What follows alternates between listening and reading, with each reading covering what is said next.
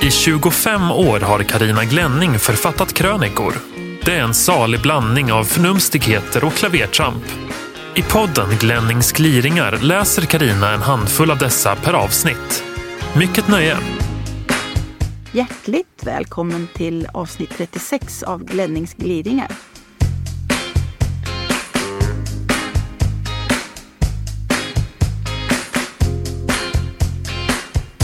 Måste man verkligen tävla, mamma?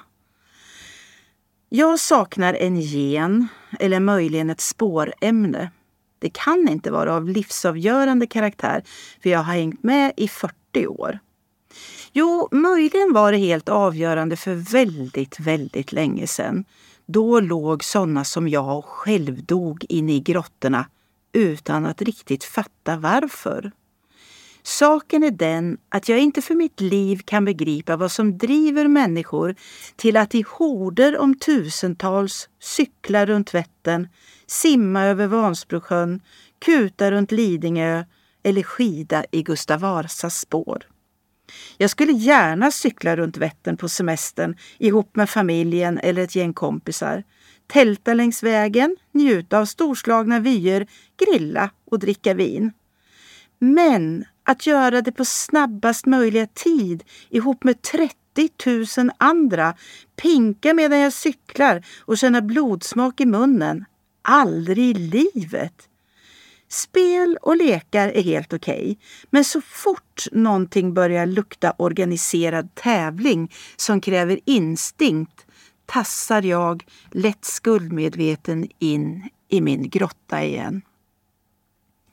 Drivkraften måste, så vitt jag begriper, vara en storslagen tillfredsställelse när det hela är över. Åh, jag gjorde det! Åh, vad jag är bra! Jag slog mitt eget rekord med tre minuter. Tjoho! Och det är här min klent utrustade hjärna får problem. Jag kan inte känna så. Jag vet, för jag har försökt. Inte att cykla runt Vättern just, men att tävla i organiserad form. Det är väl för att du är så dålig och alltid kommer sist, invänder någon. Nej, det stämmer inte. Du vill vara märkvärdig och låtsas att du står över sådana mänskliga behov som att få känna sig duktig och riktigt nöjd med sig själv. Nej, det är fel också, jag lovar. Men den känslan innefinner sig inte när jag tävlar. Jag saknar vinnarskalle. Hos mig infinner sig bara en stor tomhet när tävlingen är över. Efter all anspänning, uppladdning och nervositet känner jag bara Jaha, det var det. Nu är det över. Och känslan är densamma oavsett om jag vinner eller kommer sist. Jag lider inte av det här, men det intresserar mig. Klart är i alla fall att min defekt är ärftlig. När dottern var sex år kom hon en dag och ville prata. Av hennes bekymrade ansiktsuttryck förstod jag att det här, det var viktigt. Mamma, jag har funderar och funderat över en sak som jag inte kan förstå. Du vet, jag gillar ju en massa olika saker. Som till exempel att leka med dockor, klättra i träd, rita, cykla, vara med kompisar och så. Och sen, ja, sen gillar jag ju hästar också. Det jag inte förstår är varför man måste tävla när man gillar att rida, men inte med allt det där andra jag tycker om att göra. Men var har du fått det ifrån? Det behöver man verkligen inte. Jag har ridit i 30 år och tävlade visserligen två gånger när jag var barn men insåg att jag inte tyckte att det var ett dugg roligt så sen gjorde jag det aldrig mer. Du behöver aldrig någonsin tävla om du själv verkligen inte vill det förstås. Sexåringen tar sig här teatraliskt över hjärtsakten och utbrister. Åh gud, så skönt mamma! Du verkar lite arg idag, Karina. Man har bra dagar och man har mindre bra. Jag hinner knappt ragla upp ur sängen förrän det börjar. En katt har spytt på trappsteg nummer sju. placerar foten rakt i. Med sömndrucken blick, prefekt och hushållspapper börjar jag dagen med att städa upp spyan. Jag tycker mig urskilja en råttsvans i kläggan. Jag skurar foten extra noga. Mot badrummet. Jag har aldrig varit en skönhet, men idag är det jävligare än vanligt. Jag har gått från 45 år till 83 år över en natt. En präktig finne, jättepåsar under ögonen, hår som har fått en jordfräs genom sig och vad är det för diken runt munnen? Är detta jag? Framme vid skolan. Min humoristiska bil låser dörrarna på egen hand vid minsta minusgrad. De dörrar barnen tog sig in genom är nu obrukbara och de klagar över hur pinsamt det är att behöva kravla sig ut genom förardörren. Ja, ifall någon annan skulle se dem alltså. Jag tappar koncepten fullständigt och skäller ut dem. Det var då ett jädra tjat. Snacka om välfärdsbekymmer. Var ni glada att vi har en bil överhuvudtaget? Oj. Sitter hela vägen till jobbet med dåligt samvete. Jag är ju inte klok. Jag är en dålig mor och snart kommer ett bastant fruntimmer från socialen och fråntar mig vårdnaden. Eftersom jag redan är sen har polisen bestämt sig för att upprätta en nykterhetskontroll vid Tornby. Jag blir nästan paff när jag är grön. Konstigt att den som förstört allting annat denna dag inte också injicerat en 37 brännvin special medan jag sov. Jag blir nästan lite upplivat tacksam. Jobbet. Allt går åt skogen och alla är dumma. Såväl kollegor som ringande läsare. Dataprogram hänger sig, kopiatorn slutar fungera just när jag ska kopiera, tekniska haverier som inte ska kunna inträffa, inträffar. Jag blir inte förvånad om det snart seglar in ett litet mörkt regnmoln genom fönstret och placerar sig rakt över mitt huvud. Eller varför bara regn förresten? Varför inte köra på med hagel och drivis?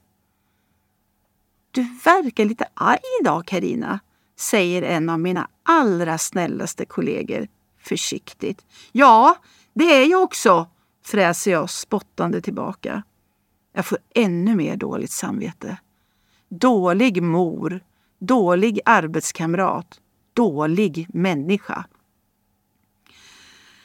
Ärtsoppa till kvällsmat. Kan man misslyckas med ärtsoppa i plastkorv? Ja då, Hela skiten bränner vid eftersom jag istället för att passa den eldar upp mig över ett kravbrev med otrevlig ton från Telia. Ett gigantiskt chokladbegär sätter in och jag får runt som en heroinist i huset. Jag hittar bara några utgångna marshmallows. Jag skulle lätt byta barnen mot 200 gram schweizernöt i denna sekund. Nej, den här världen är för god för mig. Det bästa jag kan göra är att befria den från mig själv. Jag går och lägger mig samtidigt som Glina utan att ha fått frågan som garanterat hade fått mig att utdela den raka höger som kliat i armen hela dagen. Har du mens eller? Den där känslan av overklighet. Tiden har visst alltid varit ur led. Men är den inte mer ur led än vanligt just nu? Lundin Oil skövlar i Sudan och bygger en ny väg så att livsmedelstransporterna inte tar sig fram till de svältande. Alternativt räddar hela den svältande nationens framtid med sina oljepengar. Allt beroende på vem man lyssnar till. Och i Europa bränner vi miljoner friska djur för att hejda mul och klövsjukan. Det är förmodligen otroligt naivt att undra, men ändå, kan inte Lundin Oil och mattransporterna herberera på samma vägar? Och är det helt otänkbart att bränna lite färre friska djur i Europa och ge köttet till svältoffren istället? Förmodligen, annars vore det väl redan en realitet. Den där känslan av overklighet Telekomjättarna darrar och varnar för vinster långt under de förutspådda. Vad händer nu med tredje generationens mobiltelefoner som ska frälsa den rika delen av världen? Riksbankschefen i USA. Skulle han sänka 0,5 procent eller 0,75? Hur kommer börserna att reagera? Vad händer med den svenska räntan, huslånen, familjeekonomin? Marknaden darrar, men människor darrar ännu mer. Alla är rädda för marknaden som har var mans öde i sin hand. Den där känslan av overklighet. I Sverige har vi vare sig utbredd svält eller mul och klövsjuka. Här arbetar vi för mycket, dignar under andras och egna krav, stressar ihjäl oss och går in i väggen på löpande band. Därför måste vi gå på kurser i avslappning, andning, stresshantering och arbetsträning. Och sen måste vi åka på vilohem, spa, för att ladda batterierna för att orka fortsätta racet i ekorrhjulet fram till nästa kollaps den där känslan av overklighet. Nej, här gäller att inte tappa fotfästet alldeles. Här gäller att gripa tag i verkliga begripliga ting innan man kvävs under den blötfuktiga, tunga och gråa overklighetsfilten. Jag ska dra ur telefonjacket, dra ur sladdarna till datorn, radion och tvn, vägra bli uppdaterad och vägra få känslan av maktlöshet påspädd. Sen ska jag grädda pannkakor till ungarna, städa hönshuset och se hur långt snödropparna har tittat upp sen sist. Och lyssna på koltrasten. Våren ligger där och lurar nu. Känner ni det? Det är verkligt.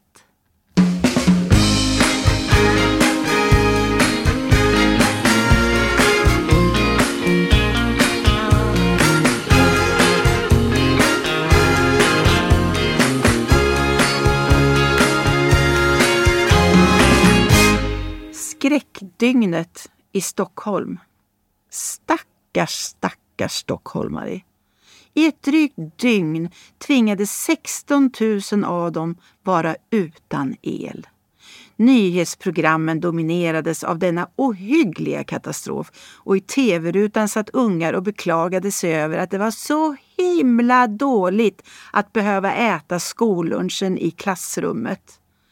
Tur att inte jag var i närheten. Då hade jag klippt till dem.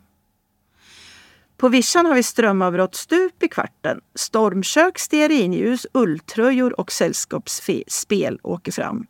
Vi stänger in oss i ett hörn av den dragiga kåken och tycker det är mysigt så länge strömavbrottet håller sig till ett dygn eller så. Sen börjar det bli riktigt kallt, trots öppna spisar och kakelugnar. Samhället är sårbart och vi själva mer eller mindre lamslagna om något klickar. Tillsammans skriker vi Så här får det inte gå till! Jag känner en kille från Gävle, elektriker på köpet, som en dag blev så trött på att vara utlämnad åt andra. Trött på att vara sårbar. Han var 25 år då. Han flyttade långt upp till Ramsle, Ångermanland och hyrde ett gammalt torp. Han fick ta över en arbetshäst och tillverkade en kvarn driven av hästkärrans hjul som malde mjöl. Gamlingarna i trakten var hans läromästare. Bland mycket annat lärde de honom hur man tillverkar skacklar. Han körde vatten från sjön för att vattna vitkålsodlingen, skaffade getter och lärde sig tillverka mesost. Han lärde sig slakta getterna också. Han försörjde sig på skogsarbete med hästen. Tidigare var han hästallergiker och hade aldrig varit i närheten av en kuse. Och på att sälja bär och svamp på en liten torgmarknad. Hans levnadskostnader var ganska små. Till sist byggde han sig ett eget hus av virke som han själv fällt. Idag är han 45 år, har familj och lever rätt gott. I kåken har han inrett en musikstudio och tagit upp sitt gamla låtskrivande. Han söker inte umbäranden. Han ville bara se om han klarade av allt det där. Ifall att. Han är inte ens en gång en knäppjök, om någon nu trodde det. Gamla ärrade människor som växte upp på landet måste ha ruskat på sina grånade huvuden när media rapporterade om skräckdygnet i Stockholm. När dessa människor dör försvinner också basala och stundom livsnödvändiga kunskaper som har gått i arv i generationer under hundratals, tusentals år. Då kan vi andra sitta där och glo med tredje generationens mobiltelefoner i näven. Ni vet de där som man kan starta tvättmaskinen med från tv-soffan. Alla kanske inte behöver vara så drastiska som elektrikern från Gävle. Men att få fjutt på ett stormkök borde väl åtminstone varje vuxen människa kunna lära sig. Stora hysteriska trädgårdsloppet. Va? Är du intresserad av trädgårdsarbete, Karina? undrade en häpen omgivning när husaffären var klar för åtta år sedan. Du har ju köpt en kåk med 4 500 kvadratmeter tomt, 10 äppelträd, lika många vinbärsbuskar, hallonland, stenpartimodell större och en praktfull rosenrabatt längs hela kåken. För jösse namn, detta måste skötas, Karina. Är vi inte hysteriska vi svenskar? Jo, snälla, säg att vi är det. I Danmark till exempel ser man inte alls den där granntävlan när man vandrar i villaområdena. Varför måste allt vara så förbaskat stagat och ansatt i svenska trädgårdar? Och varför klipper vi så mycket gräs på ytor som används enkom till gräsklippning? Jag tycker om trädgård. Om trädgårdsarbete tycker jag inte. Jag går och väntar på någon slumrande odlargen ska vakna till liv. Men chi, jag tycks helt sakna den. Inte är jag intresserad av att så och inte av att skörda. Jag köper lite sommarblommor och sätter i krukor och sen får det vara bra med det. Stora delar av min trädgård får betraktas som naturtomt och där njuter jag av blåsippor, vitsippor och liljekonvaljer. Andra områden är på god väg att bli naturtomt eller djungel. Eller utbredd kompost skulle nog vissa kalla det. Där frodas lupiner, det är inte bra. Maskrosor och märkliga buskliknande saker som förmodligen är ogräs. Under åtta ton eklöv breder i sin tur mossan ut sig. Mossa är bra. Då slipper man klippa gräs och faktiskt tycker jag att mossa är skönare att gå på än gräs. Just när ångesten över att de obeskurna äppelträden börjat skjuta luftskott lugnade mig min snälla granne Arne med att det ändå är för sent att klippa dem i år. Ja, men då så. Och de vinbär jag inte i sylta och safta, de tar fåglarna hand om. Äpplen glufsar rådjur och älgar gladeligen i sig fram på höstkanten. Så var i ligger problemet. Ja, inte hos mig, men kanske hos andra. Vad tror ni om att gratis arrendera ut små plättar av den här jättetomten? I gengäld mot att överenergiska trädgårdsarbetsälskare vårdar sin beskärda del av min trädgård får de skörda det som växer där. Eller hos små får och getter, till glädje för barnbarnen. Ja, alltså folk kan få göra nästan vad som helst på sina plättar. Bara de inte gnölar över att jag läser en god bok och tar mig en kall öl under parasollet på min plätt. Det enda jag förbjuder är att arrendefolket sätter upp jakttorn eller borrar efter olja på min tomt. Eller gräver ner döda husdjur eller andra släktingar. Det blir sunkigt på sikt. Härta ner nu, alla livsnjutare som mot sin vilja ränner runt i stora hysteriska trädgårdsloppet. Sjunk ner i älsklingsstolen där ute, sippa på något kallt. Njut av fågelsången, dofterna och minns Walter Hagens ord. Jäkta inte. Oroa dig inte. Du är här bara på ett kort besök. Så glöm inte att stanna upp och lukta på blommorna.